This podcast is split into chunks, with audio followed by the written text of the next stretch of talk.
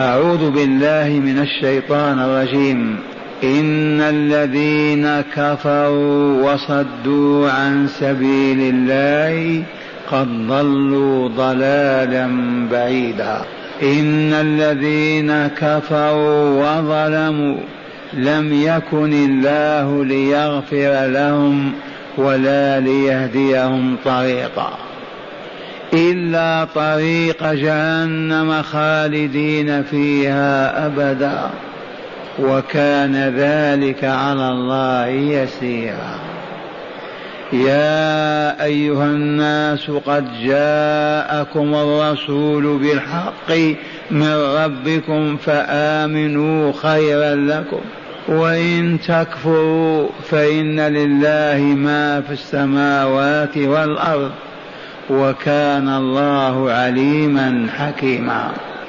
إن الذين كفروا وصدوا عن سبيل الله قد ضلوا ضلالا بعيدا. إن الذين كفروا وظلموا لم يكن الله ليغفر لهم ولا ليهديهم طريقا إلا طريق جهنم خالدين فيها أبدا. وكان ذلك على الله يسيرا.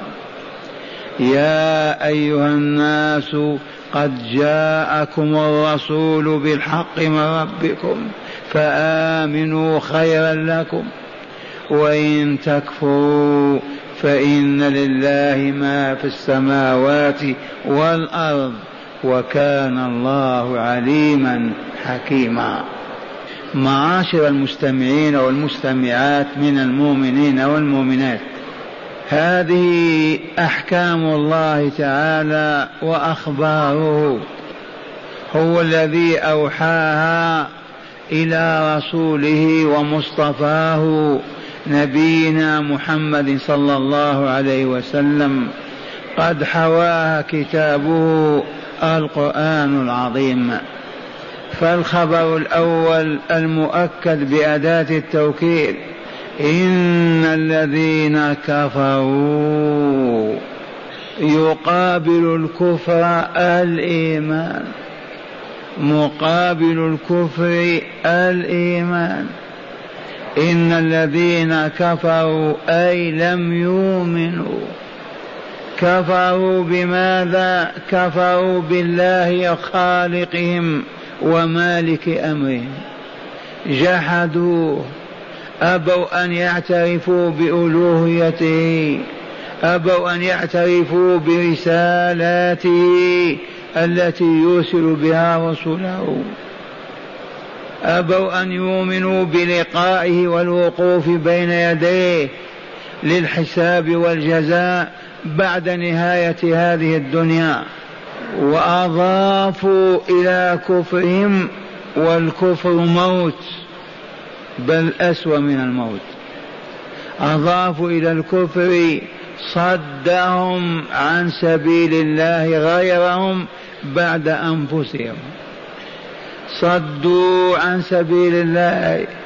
سبيل الله دينه الإسلام الطريق الموصل إلى رضاه والنزول بجواره في دار الكرامة يوم القيامة. صدوا أنفسهم أولا وما اكتفوا بذلك فأخذوا يصرفون الناس عن الدخول في الإسلام. بالأكاذيب والأباطيل والادعاءات وتقبيح الإسلام وتشويه ما فيه من النور والهدى. هذا شأنهم. هؤلاء أئمة الضلال دعاة الباطل الذين لا هم لهم. إلا أن يترأسوا ويسودوا ويعيشوا في دنياهم ولا يضرهم أن يهلك الناس عن آخرهم. كفروا وصدوا عن سبيل الله. أخبر تعالى عنهم بأنهم ضلوا الطريق. الموصل إلى الرضوان الإلهي. الموصل إلى سعادة الدنيا والآخرة. الموصل إلى الطهارة والصفاء إلى الحب والولاء. هذا الطريق ضلوا والضلال بعيد. أن لهم أن يهتدوا ويعودوا. فنبرأ إلى الله تعالى من الجريمتين. جريمة الكفر وجريمة الصد عن سبيل الله. وبالأمس نبهت أبناءنا وإخواننا إلى أنه لا ينبغي لأحد منا أن يصد عن سبيل الله ولو بكلمة إياك يا عبد الله وإياك يا أمة الله أن يراك الله تصرف عن دينه ولو عن شعيرة من شعائره ولو عن فضيلة من فضائله ولو عن سنة من سننه. إما أن تدعو إلى سبيل الله وإما أن تكف لسانك ويدك ولا تدعو إلى غير سبيل الله وتصد عن سبيل الله. ولفتنا النظر إلى أن الذين يوجدون أسباب الصد والصرف عن سبيل الله يعتبرون صادين وصارفين عن سبيل الله. فالذي يفتح ماذا مقهى يملأها باللهو والباطل من أجل الدينار والدرهم ويشاهد إخوانه لا يخرجون للصلاة ولا يجيبون نداء الله وهم يلعبون ويضحكون وهو فرح بذلك مسرور لأنه يحصل على مال. أما صد هذا عن سبيل الله كان المفروض إذا أذن المؤذن أو دقت ساعته أن يغلق باب مقهاه ويقول للجالسين الآن أجيبوا ربكم إنكم مدعوون إلى مولاكم اذهبوا إلى بيته أدوا واجبكم ثم عودوا إن شئتم أن تعودوا والذين يستوردون أو يفتحون ماذا؟ استديوهات للتصوير هؤلاء صدوا عن سبيل الله. أما الذي يفتح بنكا على مصراعيه في بلد إسلامي يدعو الناس إلى ماذا؟ إلى الوقوع في هذه الكبيرة العظيمة. أليس هذا صدا عن سبيل الله؟ الذي يفتح دكان حلاقة يحلق وجوه الفحول من أجل أن يأخذ الريال والدرهم. ما صد هذا عن سبيل الله الذي يستورد ملابس الخلاعة والدعارة وما عرف بالعوار بلباس العوار فينشر بين المؤمنات في بلاد المسلمين. أليس هذا صادا عن سبيل الله؟ جزء من الصد. كل ما أريد أن أقوله للمستمعين والمستمعات نحذر حياتنا أن يرانا الله نصرف مؤمن أو مؤمن عن طريق الله. لا بكلمة ولا بنظرة ولا بأية حركة. والمفروض أننا ندعو إلى سبيل الله لا أن نصد عنه.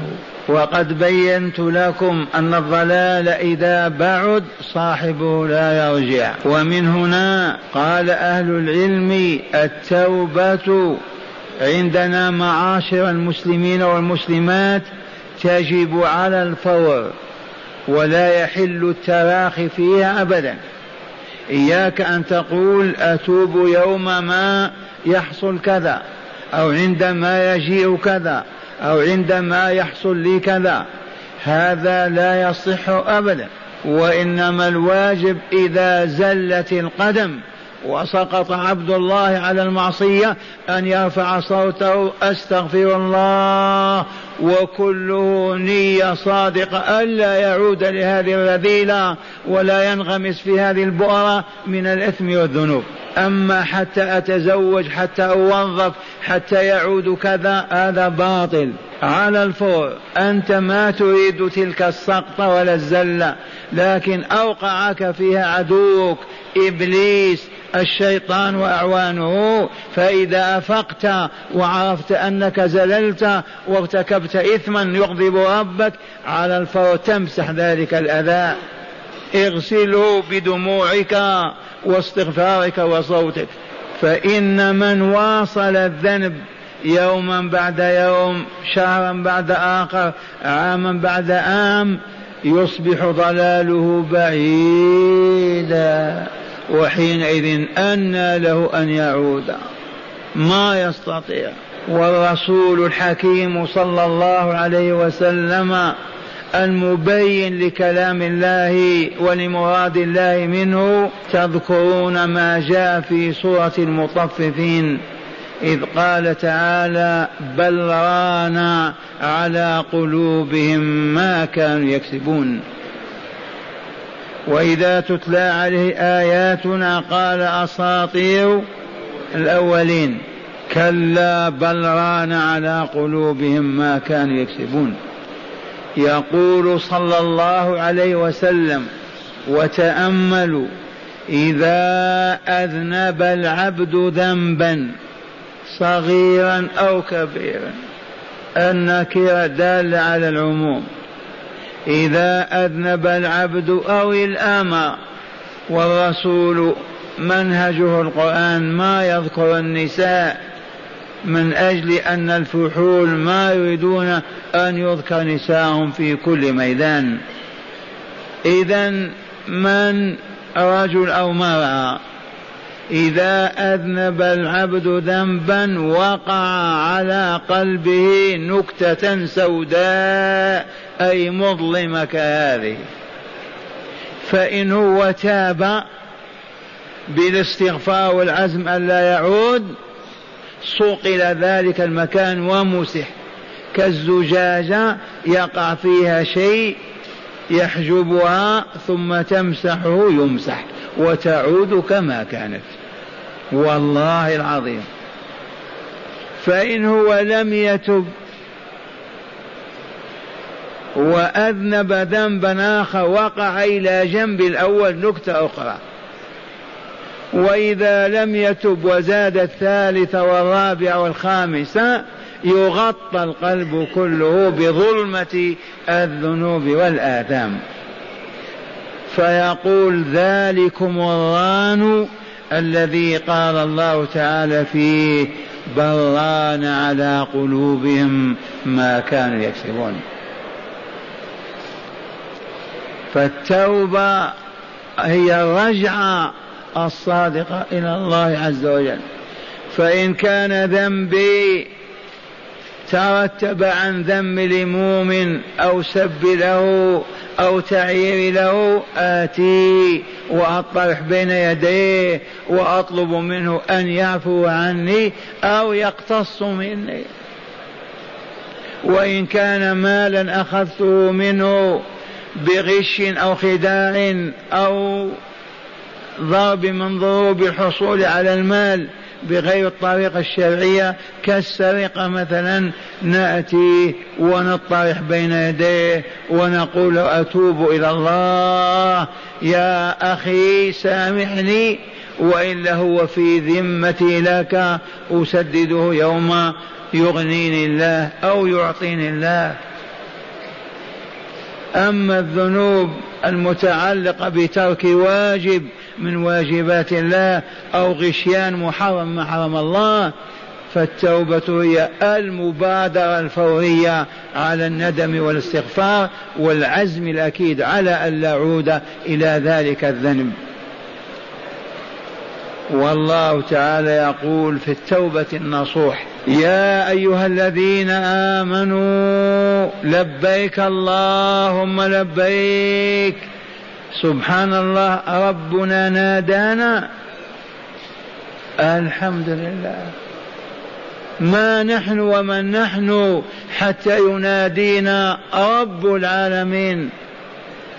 الذي السماوات مطويات بيمين يوم القيامة.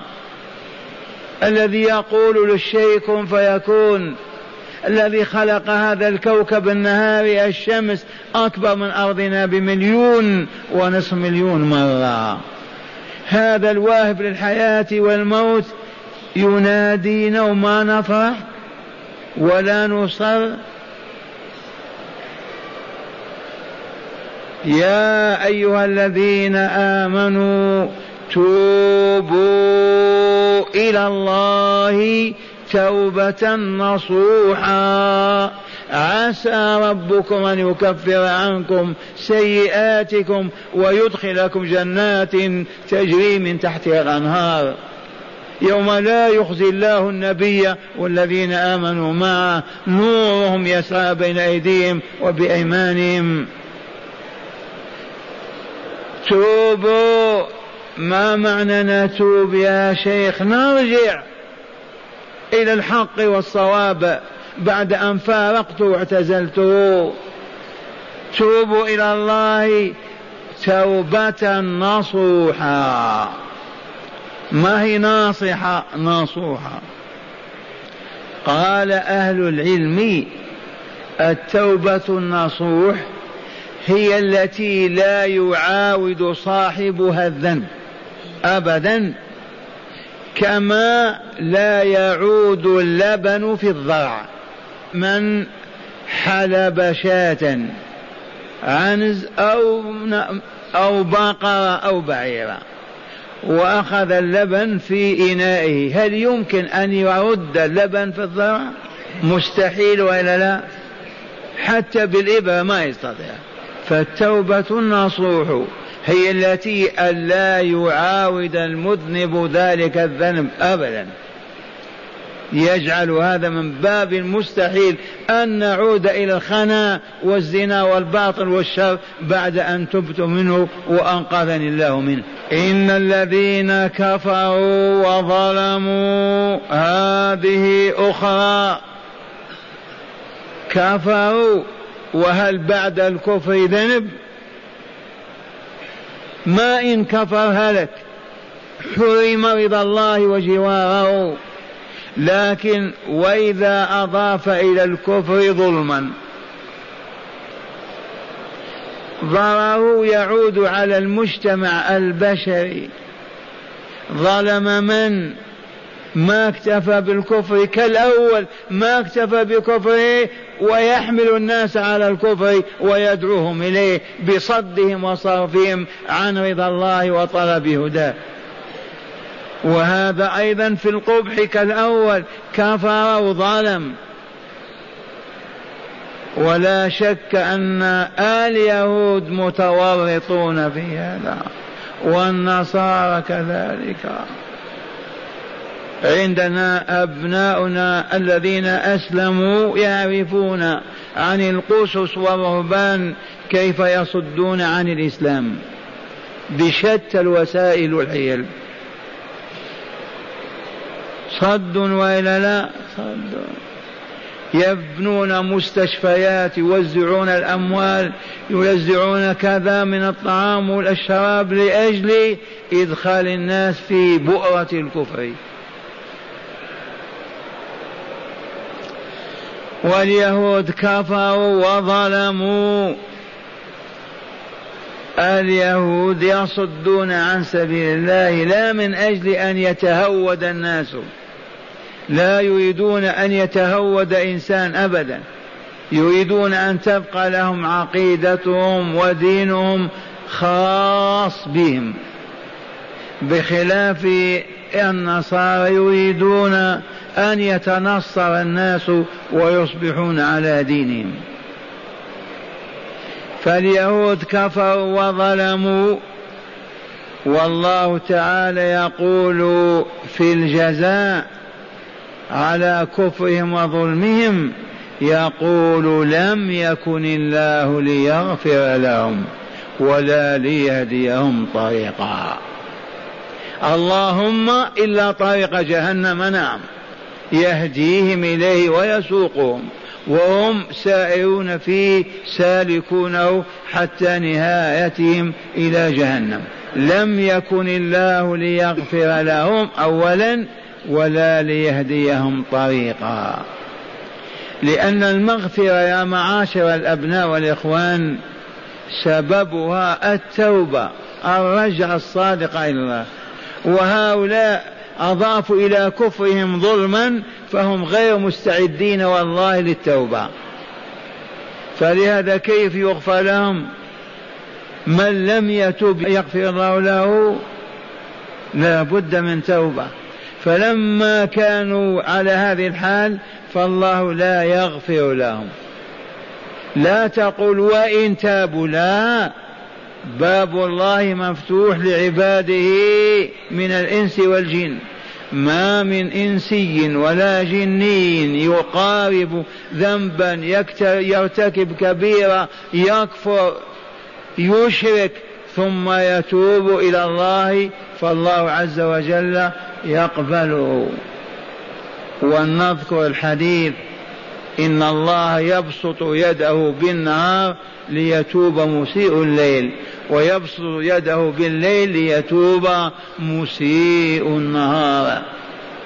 لأن الله غني غنى مطلق ما هو في حاجة إلى عبادة زيد أو إلى أو يهاب أو يخاف كفر زيد أو عمر.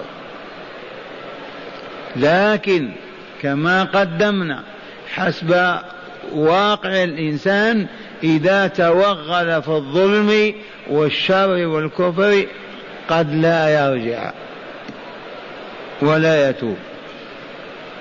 أما طريق جهنم وهو الكفر والشرك والذنوب والمعاصي هذا مفتوح الشياطين تدعو وتؤهل وتسهل لكل من أجابهم.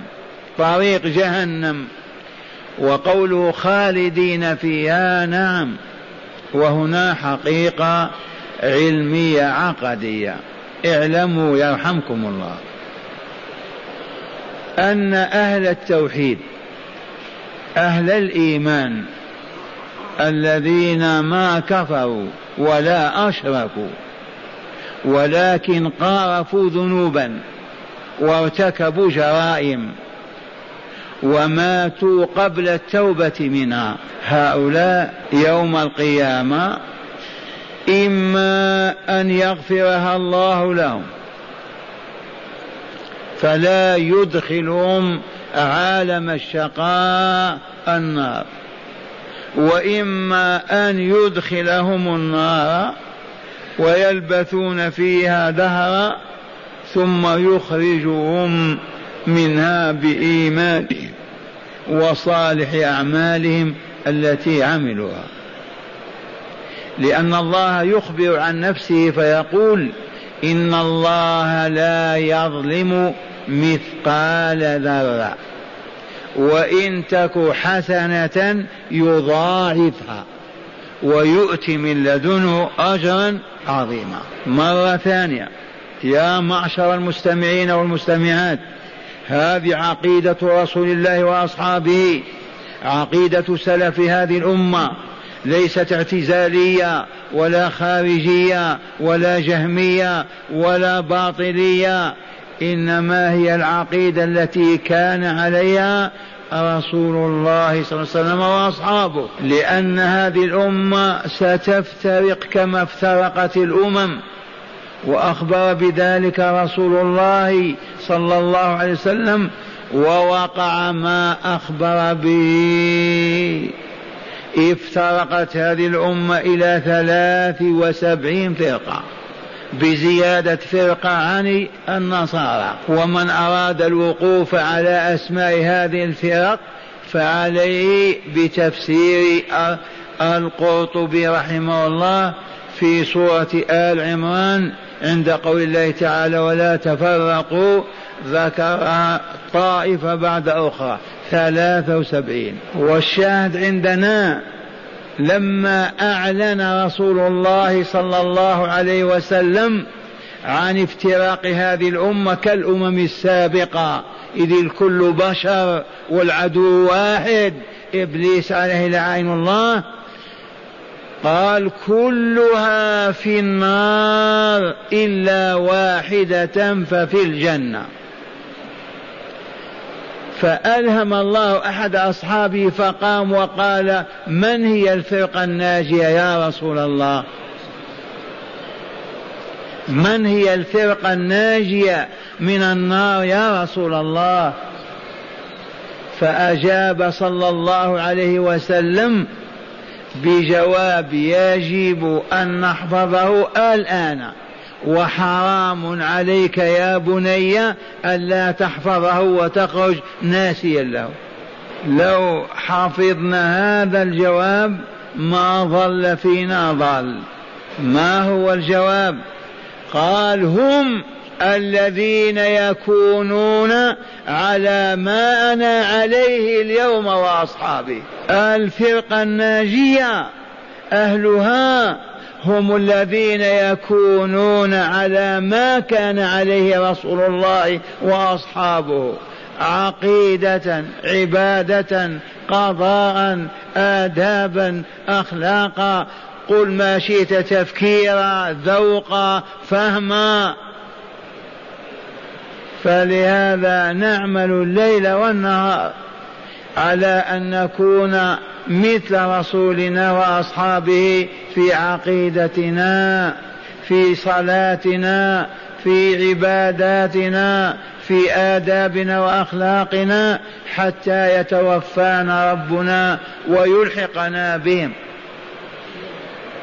فلا بد من بذل جهد لا بد من معرفة. فعقيدة رسول الله صلى الله عليه وسلم وأصحابه هي أن من مات كافرا أو مشركا فهو مخلد في النار لا يخرج منها أبدا. ومن مات من المؤمنين مقارفا للذنوب ولكن له أعمال صالحة. ولكن مات على كبيرة الذنب. فهذا يوم القيامة هو بين أمرين بين أن يغفر الله له من يرد على الله حكمه أو يدخله النار يمكث فيها ما شاء الله أن يمكث ثم ينقذهم الله منها ويخرجهم ويدخلهم الجنة. دار السلام. الخوارج يقولون من دخل النار لا يخرج منها. الخوارج يقولون من مات على كبيرة من كبائر الذنوب لن ينجو من النار. وهذا مضاد للكتاب والسنة.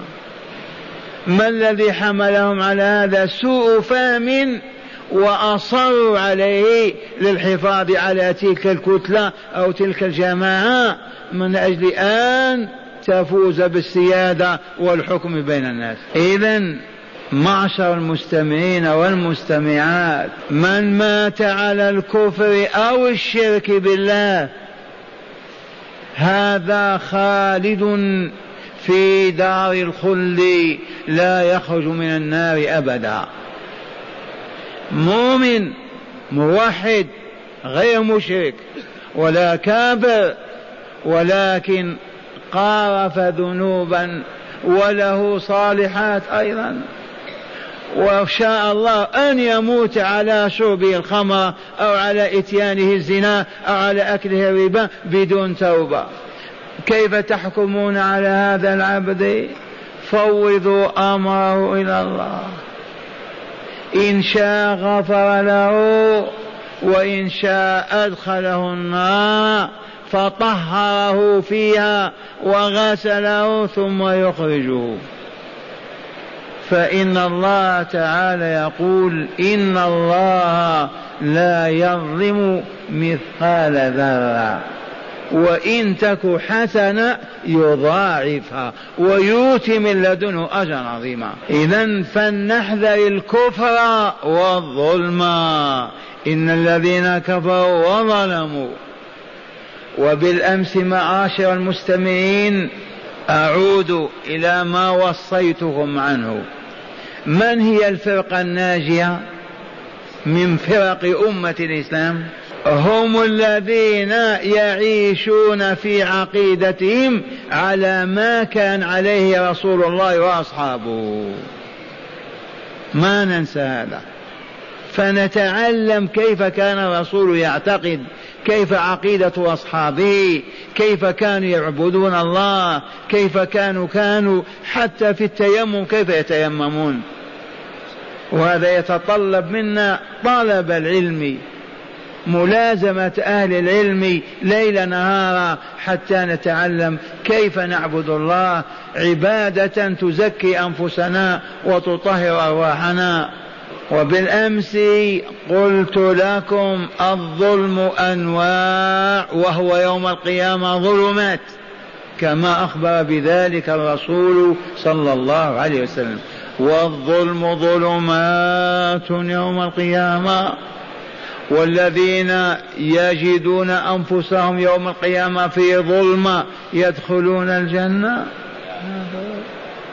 ما شاهدنا لما انطفأ النور عنهم ووقفوا حيارى ينادون أهل الجنة أن انظرونا نقتبس من نوركم. قيل ارجعوا وراءكم. فرجعوا. فجأة ضرب بينهم وبين أهل النور بسور له باب باطنه فيه الرحمة بالجنة والآخر العذاب. يوم يقول المنافقون والمنافقات النساء موجودات أيضا في هذه الآية. إي نعم. يوم يقول المنافقون والمنافقات للذين آمنوا انظرونا نقتبس من نوركم. قيل ارجعوا وراءكم فالتمسوا نورا. عرفتم النكتة في ارجعوا وراءكم فالتمسوا نورا؟ عودوا إلى الدار التي يكتسب فيها النور. أما الآن ما في كسب نور. هل تعودون إلى الحياة مرة ثانية وتؤمنون وتوحدون وتعبدون الله عز وجل؟ ما هو معقول؟ انتهت الحياة الدنيا.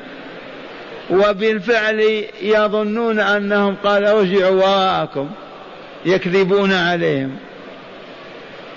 يرجعون وعلى الفور يحال بينهم وبين أهل النور بسور له باب واحد باطنه فيه الرحمة وظاهر من قبل العذاب. ينادونهم ألم نكن معكم؟ قالوا بلى ولكنكم فتنتم أنفسكم وتربصتم وارتبتم وغرتكم الأماني حتى جاء الحق وغركم بالله الغرور. فاليوم لا يؤخذ منكم فدية ولا من الذين كفروا. مأواكم النار هي مولاكم وبئس المصير. هذا كلام الله الذي نقرأ على الموتى ونحرم منه الأحياء. أقول ما هو أفظع أنواع الظلم؟ ما هو قتل أبيك أو أمك فقط أو سرقة جارك أو الزنا بامرأة جارك أو بانغماسك في البنك تاكل الربا؟ الظلم أفظعه أعظمه الشرك بالله عز وجل. لأنه ذنب لا يغفر إلا بالتوبة النصوح قبل أن يغرغر أما إذا حشرجت في الصدر ما ينفع توبة. تعرفون حشرجت في الصدر ولا لا؟ الروح تؤخذ من الجسم شيئا فشيئا كالتيار حتى توصل إلى الحلقوم ما زيد ترجع بعد ذلك. يشاهد ملك الموت وأعوانه أمامه. هنا إذا قال أتوب إلى الله أستغفر الله ما يلهم لهذا أيضا لكن على فرض. إنما التوبة على الله للذين يعملون السوء بجهالة ثم يتوبون من قريب فأولئك يتوب الله عليهم وكان الله عليما حكيما. وليست التوبة للذين يعملون السيئات حتى إذا حضر أحدهم الموت قال إني تبت الآن. ما هو أفضل أفظع أنواع الظلم. يا معشر المستمعين ما هو أفظع أنواع الظلم؟ الشرك بالله. ما هو الشرك بالله؟ تعليق صليب في عنقك. تعبد المسيح. أشركت بالله ولا لا؟ هذا الشرك. اتخاذك تمثالا من ذهب أو من فضة أو من طين أو خشب في بيتك وتنحني أمامه وتسجد بين يديه. هذا شرك ولا لا؟ الشرك عبادة غير الله. كيفما كان المعبود حتى لو كان جبريل. أو ميكائيل عليه السلام. إذ عبد المشركون من العرب الملائكة ولا لا؟ وقالوا إنهم بنات الله وأن الله أصهر إلى الجن فأنجب الملائكة. والله أنكر عليهم أصطفى البنات على البنين. ما لكم؟ كيف تحكمون؟ فعبادة غير الله هي الشرك الأعظم. سواء كان المعبود ملكا في السماء أو نبيا في الأرض أو وليا صالحا بيننا أو كان غير ذلك. فالله عز وجل لم يسمح ولم يأذن ولم يرضى لعبد من عباده أن يعبد غيره. إذ خلقه ورزقه وحفظه من أجل أن يعبده. فإذا رآه يلتفت إلى غيره ويعبده بأي نوع من أنواع العبادة غضب الجبار عز وجل. ظلم مولاه اعتدى على حقه. حق الله ثابت علينا وهو أن نعبده مقابل خلقنا ورزقنا وحفظنا ومقابل إيجاد هذه الحياة كلها لنا ومن أجلنا. اسمعوا بالله والذي نفسي بيده. ما يرضى الله عز وجل عن عبد ينادي غيره ويتركه هو لينقذه أو يسعفه. فلهذا الدعاء هو العبادة. من قال هذه الكلمة؟ من قال الدعاء هو العبادة؟ والله لا رسول الله. ما قالها غيره. الدعاء هو العبادة. معناه من لم يدعو الله ما عبد الله. ومعناه من دعا غير الله كفر بالله. الدعاء هو العبادة. لا عبادة تصح أبدا من عبد يدعو غير الله أو لا يدعو الله.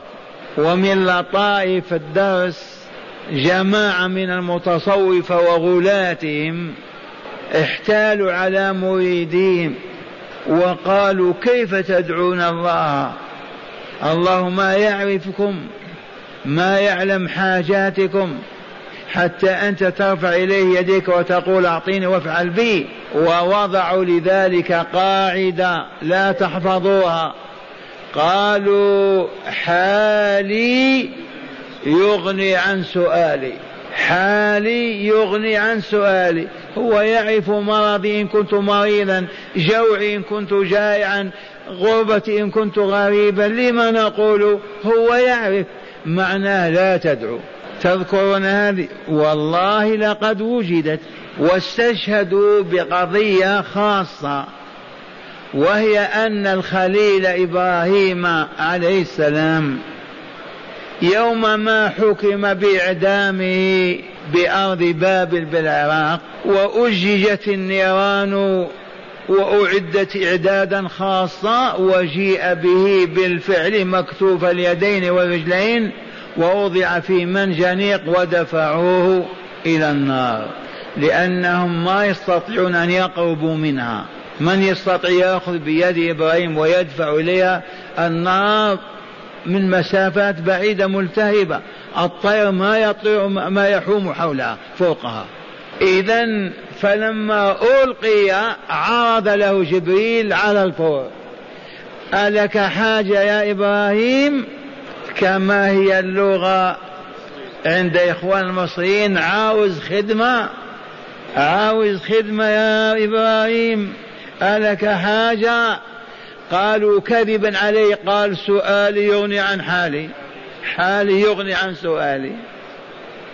أما إبراهيم فقد أخبرنا حفيده صلى الله عليه وسلم بأنه قال ماذا قال؟ أما إليك فلا وأما إلى الله فأنقذني يا ربي. أما إليك يا جبريل فلا لا حاجة لي عندك وإنما حاجتي عند ربي. فصدر أمر الله عز وجل إلى النار وهي مخلوقه من مخلوقاته مربوبه من مربوباته. يا نار كوني بردا وسلاما على إبراهيم. وعلمنا من قبل نبينا صلى الله عليه وسلم أن الله لو ما قال وسلاما كان إبراهيم يقتله البرد. والبرد قاتل كالحر قاتل. الآن يموتون في الثلج. لكن قوله بردا وسلاما. خرج بعدما احترق الكتاف من يديه ورجليه وهو يتفصد عرقا. فانبهر ذلك الشعب واندهش وقال هيا نترك هذه الديار وأهلها. فخرج مع ابن أخيه لوط ومع زوجه سارة. إلى أين؟ إني مهاجر إلى ربي سيهديني. ولا يدري أين يذهب؟ وهداه ربه. والشاهد عندنا في كلمة حالي تغني عن سؤالي معناه لا تدعو الله. أعوذ بالله. لا أعظم من الدعاء.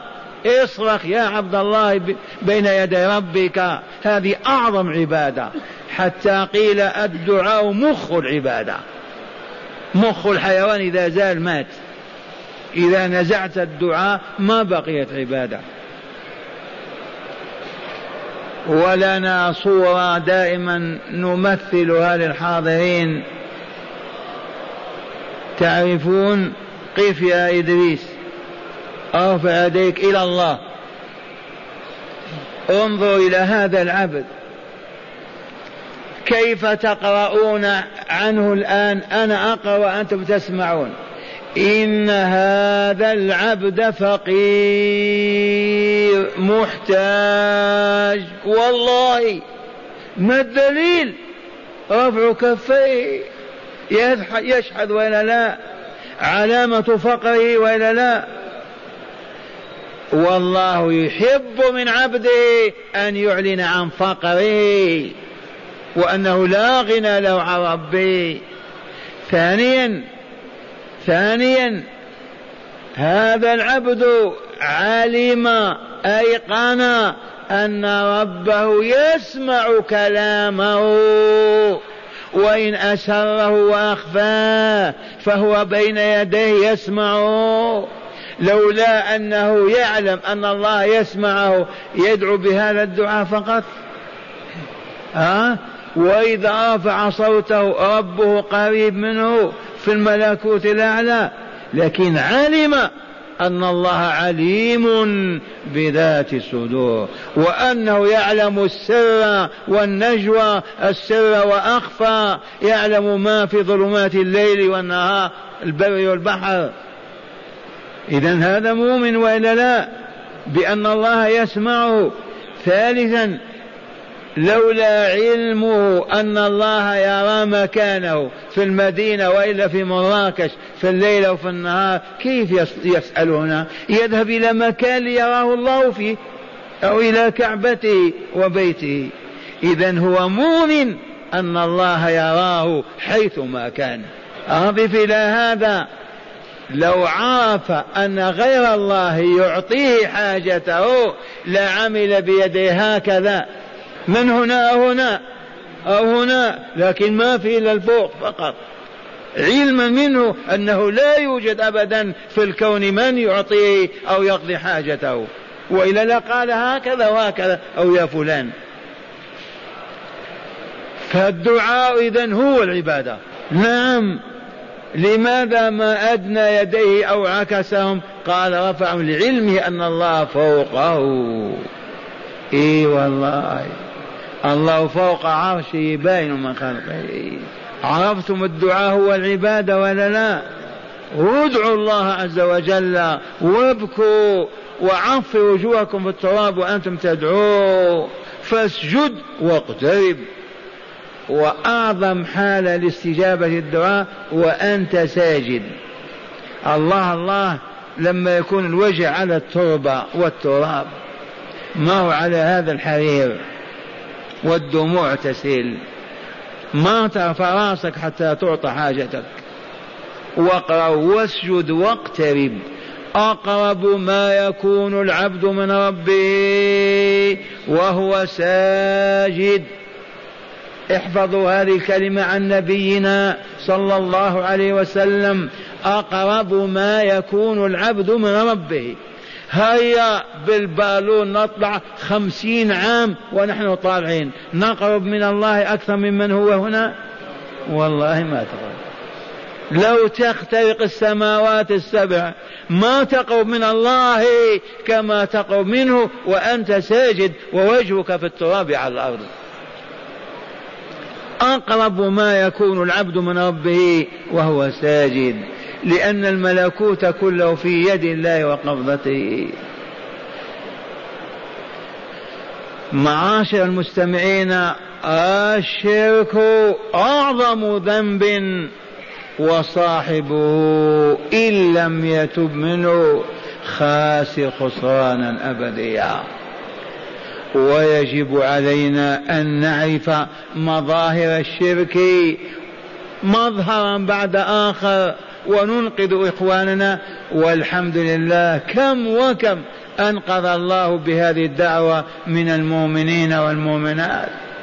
ممن كانوا يعيشون والله على أفظع الشرك يستغيثون يدعون يصرخون ينادون أسماء غير أسماء الله. قلوب متعلقة بالأولياء بالقبور والأضرحة يحلفون بها يستغيثون بها ينذرون النذور لها يحبون فيها ويبغضون فيها. ملايين. والحمد لله الحمد لله نجانا الله. ونجى أيضا من عاشرنا وعاشرنا معه. خلاصة القول اسمع. إياك من الآن أن تحلف بغير ربك. يا عبد الله يا أمة الله. احذر انتبه. من الآن إذا حلفت أن تحلف بغير الله صادقا كنت أو كاذبا. لأن الحلف بغير الله شرك في عظمة الله. لأن الذي تحلف به عظمته.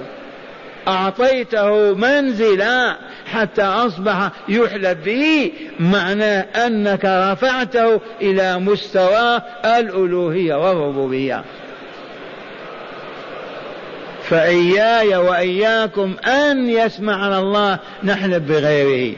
وهذا رسول الله صلى الله عليه وسلم يقول في رواية الترمذي في جامعه الصحيح من حلف بغير الله فقد أشرك. صدقت يا رسول الله. والله العظيم. كيف؟ لما نقول حقك وراسك وسيدي فلان ما عظمته؟ أو الحلف آه، عبث يعني؟ تعظيم ولا لا؟ إذا أعطيت من عظمة الله لهذا المخلوق عظمة. أشركته فيها ولا لا؟ أمر واضح للمتأمل.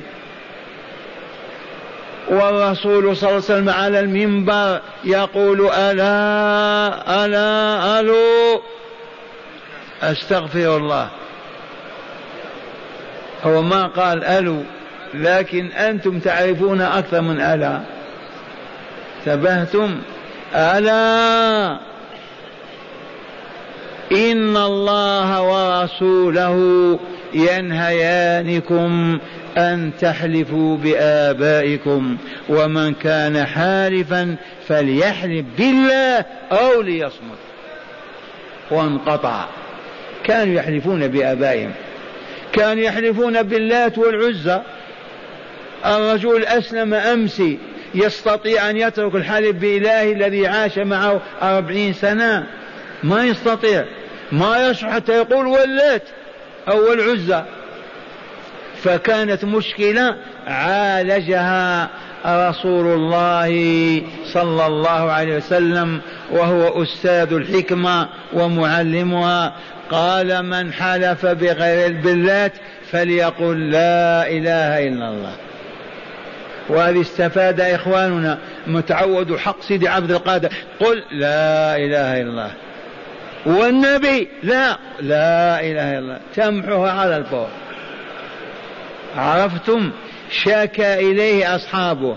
إخواننا دخلوا في الإسلام من عام وعامين.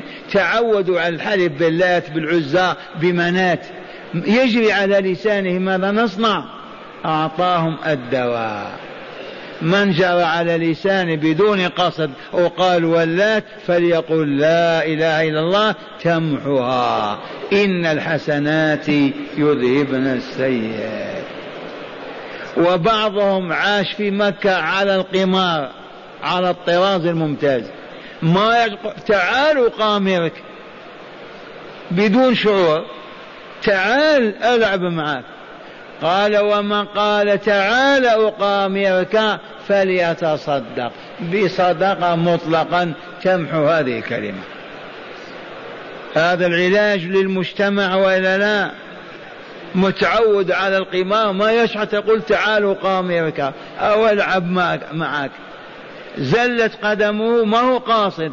ومع هذا تدست النفس يحتاج إلى محو وإزالة لهذا الأثر بصدقة ولو بحفن التمر. أما من حلف حق سيدي فلان فليقل لا إله إلا الله تمحوها بإذن الله. الذي يقول علي الطلاق. انتبهت؟ ما هو الطلاق؟ جبل أحد هذا. ماذا عليه؟ هذه من ألفاظ الجهال. الطلاق يا عباد الله حقيقته أن المؤمن وهو ولي الله والمؤمن وهي ولية الله. إذا تأذى هذا الرجل من امرأته وصبر وصبر وبقي في آلامه سيده ومولاه ما يرضى له أن يعذب طول حياته. طلق. أو المؤمنة نفسها أمة الله تأذت في هذا الزوج ما استطاعت ما صبرت عام عامين ما يرضى الله لأمته أن تعذب. طلق. حينئذ الطلاق لرفع الضرر وإلا لا؟ الطلاق لرفع الضرر على عباد الله الصالحين. ماذا نصنع؟ ناتي باثنين من قريتي من رجال من العدول وتفضلوا نجلس في البيت نقدم لهم طعاما وشرابا ثم يقول لهما أشهدكما أني قد طلقت فلانا. يا فلان أنت طالق. ابقي في بيتك حتى تنتهي عدتك. ثم تفضلي والتحقي بأهلك. هذا هو الطلاق. وأي طلاق غير هذا؟ بدعة وضلال ومنكر. والناس يعبثون بهذا. مرة ثانية فهمتم الطلاق لماذا؟ لما يؤذى عبد الله عام عامين ما يستطيع. كيف يرضى الله بأذيته؟ وهو وليه؟ والله ما يرضى. هي أيضا المؤمنة مع زوج صلف كذا ما طاقت. هل يرضى الله أن تبقى معذبة هذه المؤمنة؟ قولوا. ما يرضى. من عادى لي وليا فقد آذنته بالحرب. إذا فأذن في الطلاق. الله الذي أذن. كيف نطلق؟ علي الطلاق وبالطلاق وبالثلاثة وبجامعة الأيمان. كل ذي ألفاظ مبدعة محدثة. الطلاق أن تأتي باثنين من عدول القرية أو جماعتك أو حيك وتدخلون المنزل وتقول لهما أشهدكما أني طلقت فلانا. بهذه الكلمة وهي تسمع. يا فلانة ابقي في بيتك كلي واشربي واستريحي حتى تنتهي العدة. ثلاثة حيض أو أقراء وتذهبين إلى أهلك. وإن قالت لا اسمح لي من الآن تفضلي. عندك شيء عندنا؟ قالت نعم لي عليك ألفين ريال من يوم كذا. خذيها. قالت أمتعني بشيء أنا الآن ذاهبة إلى بيتي عند أبي فقيرة أكرمني بشيء أعطيها ألف ريال. ومع السلامة يا أمة الله. هذا هو الطلاق. هذا هو الإسلام.